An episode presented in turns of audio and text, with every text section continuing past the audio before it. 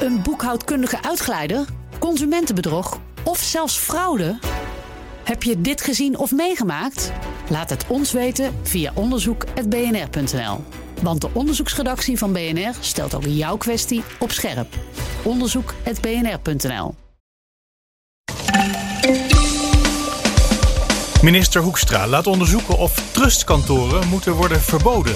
Omdat één op de drie kantoren op het ogenblik illegaal werkt. Een werkgever mag je vragen om thuis te werken als je niet gevaccineerd bent. Maar veel meer dan dat mag niet. En al zeven jaar lang sleept de strijd zich voort over de CAO voor beveiligingsbedrijven. Met nu in weer een nieuwe fase een stap naar de Raad van State. Dit is Nieuwsroom, de dagelijkse podcast van het Financiële Dagblad en BNR Nieuwsradio. Met het nieuws verteld door de journalisten zelf. Ik ben Mark Beekhuis en het is vandaag maandag 23 augustus. Hallo, Pim Brasser van het Financieel Dagblad. Hallo. We gaan het hebben over echt van die, een van die hyperfinanciële zaken, trustkantoren. En daar gaat een hoop mis, een heleboel misstanden. Zo erg zelfs dat nu de regering, bij monden van minister Hoekstra, heeft aangekondigd dat er een onderzoek komt of het überhaupt wel, of ze kunnen voortbestaan. Of dat er een einde moet komen. Nou, dan moet het wel echt wel heel erg mis zijn als een hele sector verboden gaat worden. Zeker, ja. En dat, uh, dat heeft hij aangekondigd naar aanleiding van een uh, onderzoek wat hij zelf had opgevraagd. En uh, daaruit bleek dat afgezet tegen, tegenover het aantal legale kantoren was bijna de helft was, van de kantoren was illegaal. Op twee legale kantoren is er één illegaal. Ja, dat, zo zit het inderdaad. Dus één ja. op drie. Ja. ja. Dat is al heel heftig. Ja, dat is, uh, dat is heel veel. En dat, dat was op zich wel bekend, want uh, de afgelopen jaren is de regels die zijn veel strenger geworden. De, er is veel meer toezicht gekomen. Dat was allemaal naar aanleiding van de, de Panama Papers en zo. Daar waren meerdere trustkantoren waren daarbij betrokken. en toen, is dus, toen zijn de regels veel strenger geworden en het aantal trustkantoren is toen in zeven jaar tijd gehalveerd tot onder de 100.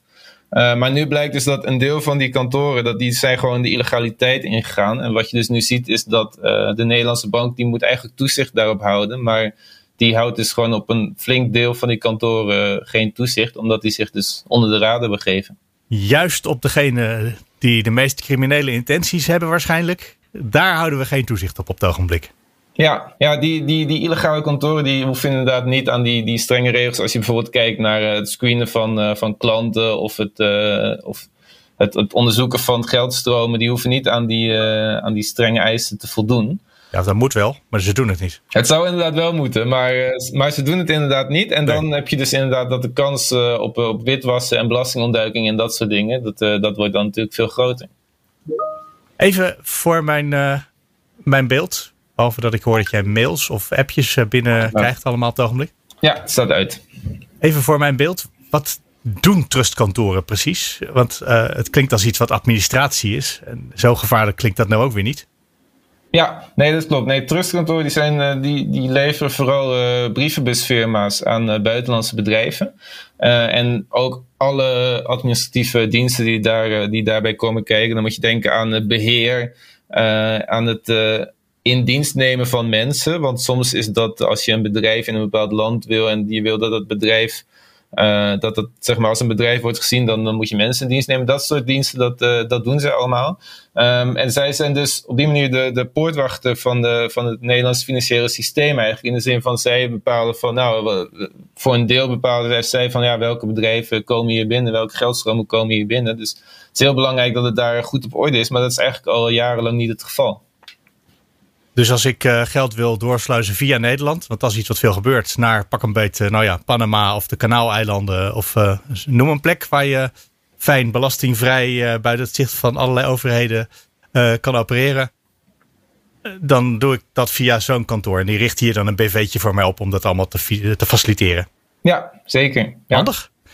Ja, absoluut. En het wordt natuurlijk ook veel gebruikt voor uh, belastingontwijking. Dat heb je natuurlijk ook nog. Je hebt ontduiking en ontwijking. En ontwijking is dan iets wat, nou ja, dat, dat, dat is controversieel. Daar is natuurlijk veel over te doen. Uh, techbedrijven die geen belasting betalen of heel weinig belasting enzovoort. Uh, maar dat is dan de, de legale vorm daarvan. Ja, daar word je niet voor veroordeeld.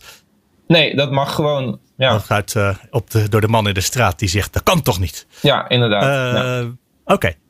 En dat soort kantoren, die maken dus constructies mogelijk. En daar wil je dan als Nederlandse bank toezicht op houden. Nou, daar kan me wel iets bij voorstellen. Van, is het echt wel een bedrijfje of is het inderdaad alleen die overdrachtelijke kamerplant? Er zijn inderdaad wel regels voor dat, uh, dat je, je moet mensen in dienst hebben. Je moet uh, een jaarrekening inleveren en dat soort, uh, dat soort dingen. Dat, dat is ja. inderdaad wel zo. En ja, dat, dat wordt allemaal gefaciliteerd door die kantoren inderdaad.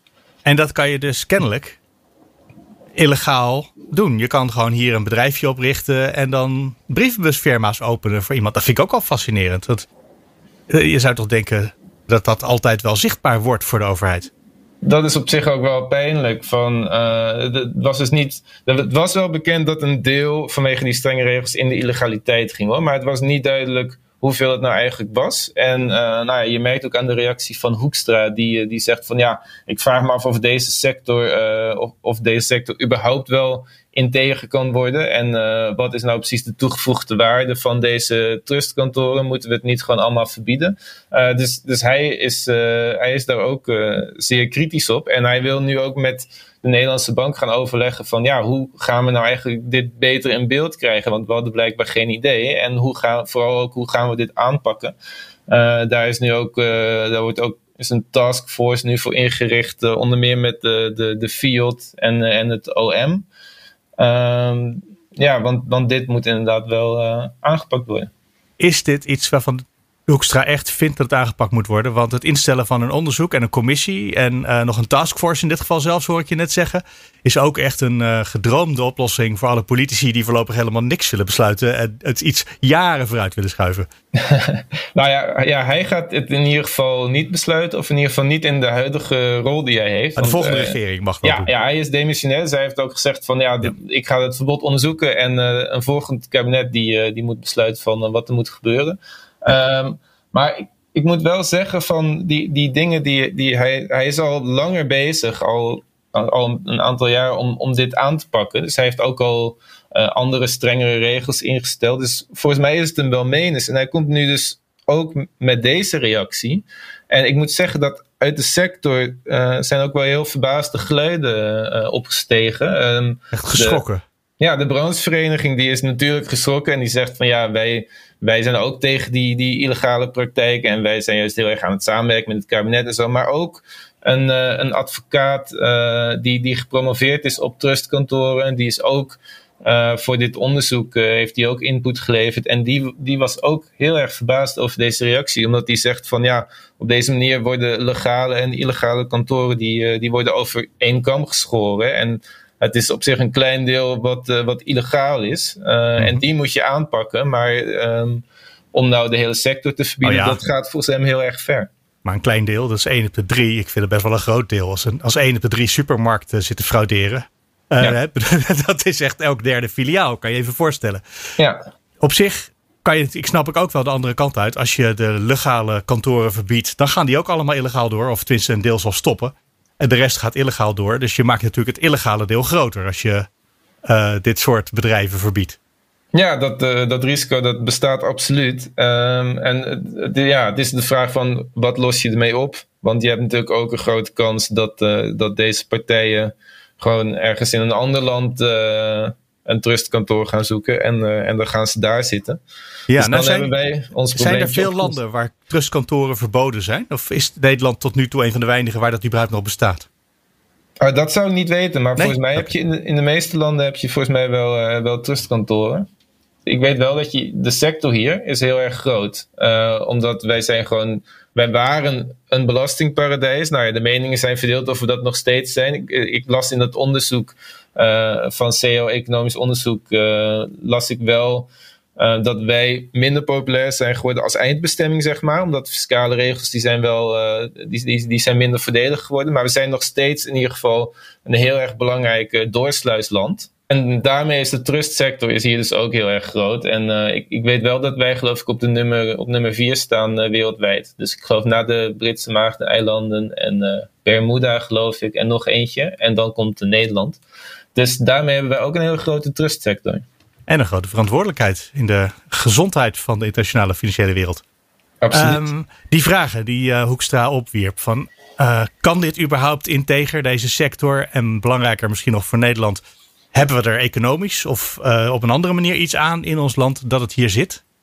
Valt daar al iets over te zeggen? Misschien die tweede vraag nog wel wat meer. Hebben er, werken daar heel veel mensen bijvoorbeeld in? Duizenden mensen? Uh, of halen we daar een kwart van onze overheidsbegroting vandaan? Zoiets? Ja, nou ja, er werken 2500 mensen in de trustsector. Dus dat, dat is best flink. Um, en omzetcijfers kon ik niet meteen vinden, maar dat, ik, ik zag cijfers uit 2006 en sindsdien is het iets gegroeid. Maar dat, dat gaat om enkele honderden miljoenen, um, schat ik zo. En wat wel interessant is, um, als je kijkt naar de toegevoegde waarde, dus dat is dan zeg maar alle toegevoegde waarde, dus ook de indirecte van bedrijven die, die, uh, die hier komen en die misschien ook andere diensten aanschaffen en dat soort dingen. Um, dat mhm. was, in 2018 was dat, uh, was dat, lag het op 3 miljard. Uh, dus het is wel een, een grote sector. Uh. Ehm. 2.500 mensen is natuurlijk wel heel veel mensen. Maar dat is nou ook weer niet zoveel op onze hele economie. Ik bedoel, er zijn in de afgelopen jaren winkelketens met tienvouds daarvan uh, gestopt. De Nederlandse economie zal het overleven waarschijnlijk, ja. Dat sowieso. Oké, okay, we wachten het onderzoek maar even af. Want meer staat ons nu niet te doen, denk ik, hè? Ik ben bang van niet. We zijn benieuwd. Tim Brasser, dankjewel. Alsjeblieft. Oh, ik doe altijd wel de artikelen die uh, bij het verhaal horen. Die tweet, die search ik altijd even. Dus wie er een tweet uh, wie erop heeft gereageerd, zeg maar. Oh, wat zeggen de mensen over dit artikel? Nou ja, dus mensen, je hebt de standaard boze mensen die dus blijven zeggen dat is een tweedeling en bla bla bla bla. Maar ook heel veel mensen die um, in die zin niet helemaal goed weten want uh, die gelijk reageren, dit is belachelijk, want je mag helemaal niet als werkgever vragen of iemand gevaccineerd is. Oh ja. En dat klopt niet. Je mag het namelijk prima vragen. Uh, iemand is alleen niet uh, verplicht om daar een, een, antwoord of een eerlijk antwoord op te geven. Nee. En je bent als werkgever al helemaal, mag je niet het vervolgens opslaan ergens. Dus bijvoorbeeld ergens in ergens nee. dat, dat neerpennen. en je mag er ook niet in die zin gevolgen aan verbinden. Dus dat je iemand verplicht om iets te doen naar aanleiding van. Je mag het onthouden. precies, maar je hebt natuurlijk wel gewoon op de werkvloer uh, gebeurt er genoeg zonder dat je daar officieel iets over vastlegt. Of dat je dat op papier zet. Of ja, uh, in dit geval. Ja, het is, het is meer een beetje zoiets van: dit, dit, is ongeveer het minimum, wat je, het enige wat je kan doen. Ja. Um, maar ja, je kan natuurlijk gewoon prima het hele bedrijf een mail sturen met. Um, uh, leuk en aardig, maar ik zou iedereen vriendelijk willen verzoeken die niet gevaccineerd is om lekker thuis te blijven werken. En daar kan iemand dan gehoor aan geven of niet. Maar uiteindelijk is dat natuurlijk wel hoe vaak dingen op de werkvloer werken. Ik snap wel de verwarring hoor, want die, ik las de titel eerst ook verkeerd. Werkgever mag vaccinweigeraar vragen thuis te blijven. Laten we het gewoon officieel het gesprek beginnen, ook al zijn we oh al begonnen. Ja. En ik moet namelijk aan het begin altijd nog even zeggen: Hallo, Diederik de Groot van BNR. Oh ja, hallo Mark van BNR. Ja, ik al zijn we al eventjes begonnen. Ja. Um, ja, nou die titel dus. Een werkgever mag vaccinweigeraar vragen thuis te blijven uh, als hij aan het werk komt, maar dan dus thuiswerken. Dat, uh, natuurlijk mag je dat vragen. Hè? Vraag is dat vrij. Ja. Oh, je hond loopt aan, hoor ik. Ja.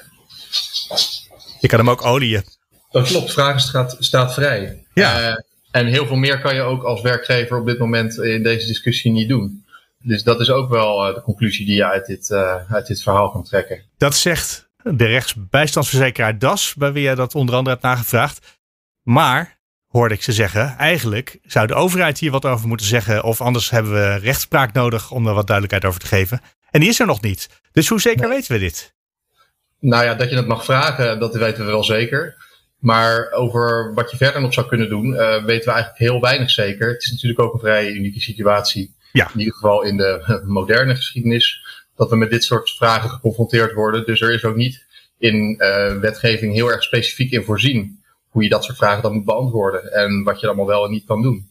Uh, wat we kunnen zeggen op basis van bestaande wetgeving. Is, nou, dat hebben we ook al als eerder geconcludeerd. Je mag als werkgever ja, je mag het wel vragen of iemand gevaccineerd is, maar je mag daar uh, niks op papier zetten. Je mag het niet registreren. Een werknemer is ook niet verplicht om aan zijn werkgever zijn vaccinatiestatus uh, mede te delen. En je mag ook op basis daarvan niet mensen uh, allerlei verplichtingen opleggen of desnoods sancties of hoe dat dan ook mogen werken. Um, dus maar een bonus, als je zegt alle personeel dat een sprik heeft gehaald, geven we een bonus. Dat mocht wel, toch? Dat, dat mocht weer wel. Alleen maar dat, daar, moet je ook voor, dan moet je het ook eerst aan mij vragen. Ben je, ben je geprikt? En dan moet ik ook nog antwoord geven. Wat geregistreerd wordt bij de personeelsadministratie. Zodat ze de, de salarisadministratie goed kunnen doen. Ja. Ja, nee, ook dat was heel lastig. Dus je mag daar ook niks van op papier zetten. Je mag het allemaal niet registreren. Iemand is ook dan niet verplicht om natuurlijk een eerst eerlijk antwoord te geven. En, maar hoe kan, je mij nou niet, hoe kan je mij nou een bonus geven zonder dat je registreert waarom je mij een bonus geeft? Ja, eh, dat is dus een heel ingewikkelde situatie. En dat is dus een beetje geloven op de blauwe ogen. En uh, dat is, uh, daar, daar moeten dan allerlei waarschijnlijk onderhands uh, afspraken over worden gemaakt. En kan ook niet op je salarisstrookje staan, hier, vaccinatiebonus extra. Dus ja, ook dat is heel ingewikkeld. En dat, dat geldt natuurlijk ook bij de vraag of iemand thuis wil blijven werken. Want uh, ja, diegene die hoeft nogmaals niet te, die, te vertellen aan jou of die gevaccineerd is. En die kan ook zeggen ik ben het wel, terwijl die het niet is. Maar uh, hoe het natuurlijk wel is, is dat op werkvloeren vaak dingen niet per se worden geregeld doordat je iets moet bewijzen. Uh, soms zijn mensen gewoon wel eerlijk. Ja. En ik denk in dit geval ook wel vaak. Maar dat er in ieder geval een discussie over is op veel werkvloeren, bij veel bedrijven en niet alleen bij bedrijven, want we horen vandaag ook over het onderwijs hoe je om moet gaan met het verschil tussen werk, werknemers die gevaccineerd zijn en hen die, zij die niet gevaccineerd zijn. Dat, dat is best wel een, een hot issue op dit moment. Iedereen komt ook weer terug van de zomervakanties. Uh, en we zitten ook nu op het punt dat iedereen die dat eigenlijk wil, wel zo ongeveer gevaccineerd zou kunnen zijn. Mm -hmm. Dus krijg je nu heel duidelijk die ene groep die dat niet wil. En een hele, hele, hele kleine groep die het trouwens ook niet kan, hè, vanwege achterliggende gezondheidsredenen. En iedereen die dat wel heeft gedaan. En dan krijg je ook dat werknemers die het wel hebben gedaan, bijvoorbeeld zeggen van ja, maar ik voel me daar uh, niet prettig bij dat iemand uh, naast mij zit, op, wat misschien niet anderhalve meter op anderhalve meter kan, terwijl hij niet gevaccineerd is. Stel voor, ik ben ge uh, gevaccineerd en jij niet, en jij besmet mij. Ja, ik heb nog steeds een kans dat ik wel ziek word. Ja. is dan onze werkgever, is het BNR dan verantwoordelijk voor mijn besmetting door jou? Want jij hebt je niet gevaccineerd. Ik vind van niet, maar... Nee, uh, ja. en het bedrijf vindt dat natuurlijk ook van niet, want die mogen aan jou niks vragen. Nee. Maar anders dan zou je thuis willen werken als je niet gevaccineerd bent. Dat is het enige wat het bedrijf van jou mag vragen. Ja, ja, ja, nee, precies. De, uh, nou ja, ik denk dus dat dat ook wel misschien uh, is waar het al uiteindelijk op uitdraait. Omdat nogmaals, we dus helemaal niet weten of er verder eigenlijk iets kan. En waarschijnlijk is het antwoord nee. Mm -hmm. en er zullen ook niet op korte termijn allerlei regels bij komen of in wetten worden vastgelegd waar die dit wel mogelijk maken. Dus blijft het een beetje schipperen en uh, wielen en dealen onderling. Om dat allemaal zo te organiseren dat iedereen zich er prettig bij voelt. En de werkgever ook. En de veiligheid maximaal gegarandeerd is. Um, en ja, mijn gevoel zegt ook inderdaad dat je daar als werkgever niet echt op aangekeken kan worden. Als iemand dan zelf kiest om niet gevaccineerd te zijn. En dan op de werkvloer iets oploopt. En ja, dat voelt in ieder geval niet zo rechtvaardig. Maar ja, misschien komt er ooit nog een proces. Uh, dan, dan hebben we de jurisprudentie. Uh, precies. Tot nu toe hebben we uh, de logica van het recht. En wie weet komen er straks ja. rechtszaken. En dan weten we meer. Maar er wordt dus ook inderdaad door Pascal Besseling van DAS bijvoorbeeld. En ook wel door de werkgeversvereniging AWVN wel. Gekeken naar Den Haag of naar de overheid. Van kan wel iets meer richting en sturing in worden gegeven. En dat is dan nog niet eens door middel van het maken van een wet. Maar ze zouden in ieder geval zich er een beetje uh, mee kunnen bemoeien. Uh, wel eens over uit kunnen laten en uh, kunnen laten zien dat zij ook met deze problematiek bezig zijn. Want het is natuurlijk wel de werkgever waar het uiteindelijk bij komt te liggen. Die moet het allemaal maar, ja, allemaal maar beslissen en allemaal maar bedenken. Diederik de Groot, dankjewel. Graag gedaan. Ik had net ook al een aanlopende hond die piepend gesmeerd moest worden. Ja. Dus uh, die kat die kunnen we er ook nog wel bij hebben vandaag. Richard Smit. Ja, ja, ja. ja. ja. Um, nou, zal wel goed komen, toch? Denk of is het er zo eentje die op het toetsenbord gaat zitten zodat onze verbinding dan verbroken is? Uh, dat dat uh, zal niet de eerste keer zijn. Oké. Okay. Ik zal het met man en macht verdedigen. Goed. Hallo, Richard Smit van het Financiële Dagblad. Goedemorgen. We gaan het hebben over de CAO voor beveiligers. En wat ik daar zo leuk aan vind, is dat die zeven jaar geleden is afgesloten. En dat die nog steeds nu bij de rechter ligt. Uh, er is nog geen zicht op een uitspraak. Want uh, kennelijk moet er nu inmiddels nog even tussendoor nog weer iets extra's gebeuren met een nieuwe rechtszaak. Ja, kennelijk liggen ze al uh, zo lang met elkaar in de clinch over, over een CAO. Er was een uh, CAO uh, afgesproken van oudsher. En die is ook algemeen verbindend verklaard voor de hele sector. dat is de CAO particuliere beveiliging, waar ook de grote vakbonden achter staan. maar een jaar of zeven geleden is daar een ehm, kleinere organisatie bijgekomen. Ehm, en die, die heeft een andere CAO afgesloten. En dat is vooral voor kleine opkomende bedrijven. Uh, vaak met veel minder werknemers en die kortlopende klussen en seizoenswerk doen. Bijvoorbeeld de beveiliging van evenementen. En die konden niet, uh, die konden niet werken met uh, de, de langdurige, meerjarige contracten. Zoals die bijvoorbeeld. Die zijn voor zichzelf begonnen, hebben zich afgesplitst.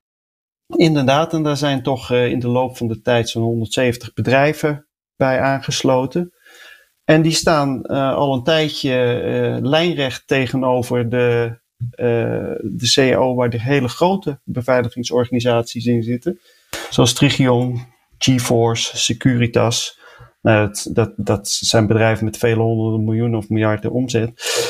En die hebben, nou ja, de grote contracten en ook andere behoeften kennelijk.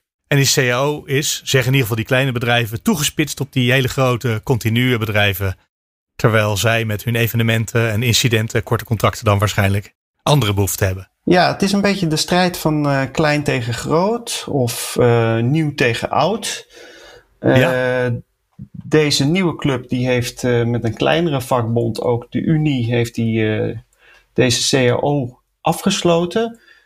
Nou, op zich zouden ze zich dus eigenlijk aan die andere CAO moeten houden, maar ze hebben elk jaar van de minister een soort ontheffing gekregen. Uh, zo ook dit jaar. Uh, maar dat pikte de andere partij niet.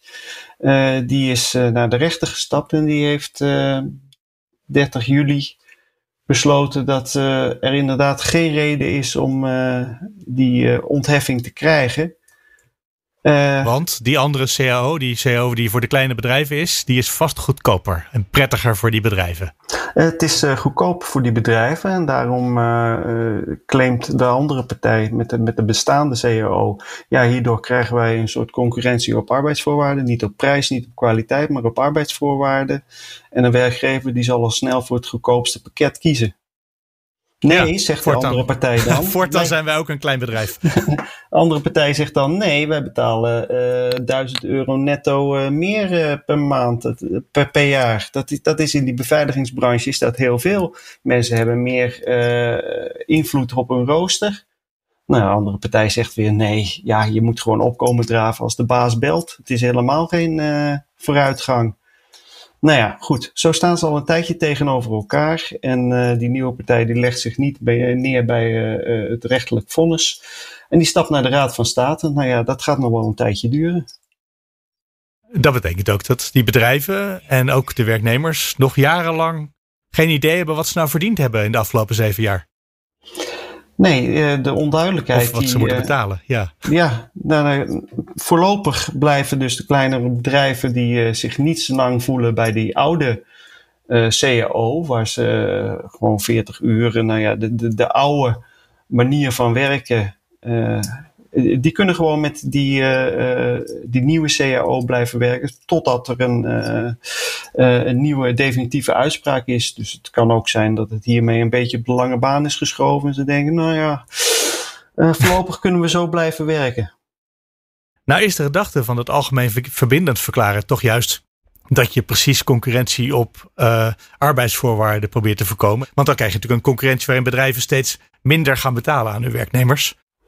Uh, dat, die cyclus, dat, die, dat, dat risico bestaat in elk geval. Dus je zou eigenlijk ook verwachten dat de overheid niet zo'n kleinere CO ineens toestaat en algemeen verbindend verklaart.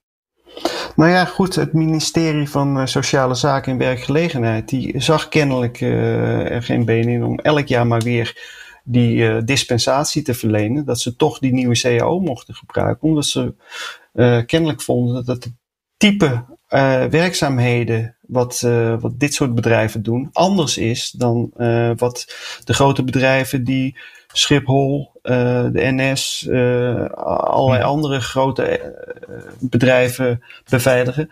Uh, alleen de rechter oordeelde, uh, ja, jullie hebben eigenlijk niet aangetoond dat die activiteiten wezenlijk verschillen, zodat dat een andere CAO zou rechtvaardigen.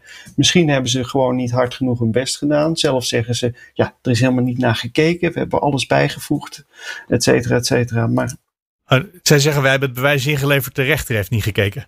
De rechter heeft er niet voldoende naar gekeken. Ja. Kan jij daar van buitenaf iets duiding aan geven? Of een van de twee een punt heeft ergens mee? Misschien niet het hele doorslaggevende, maar gewoon een soort indicatie van.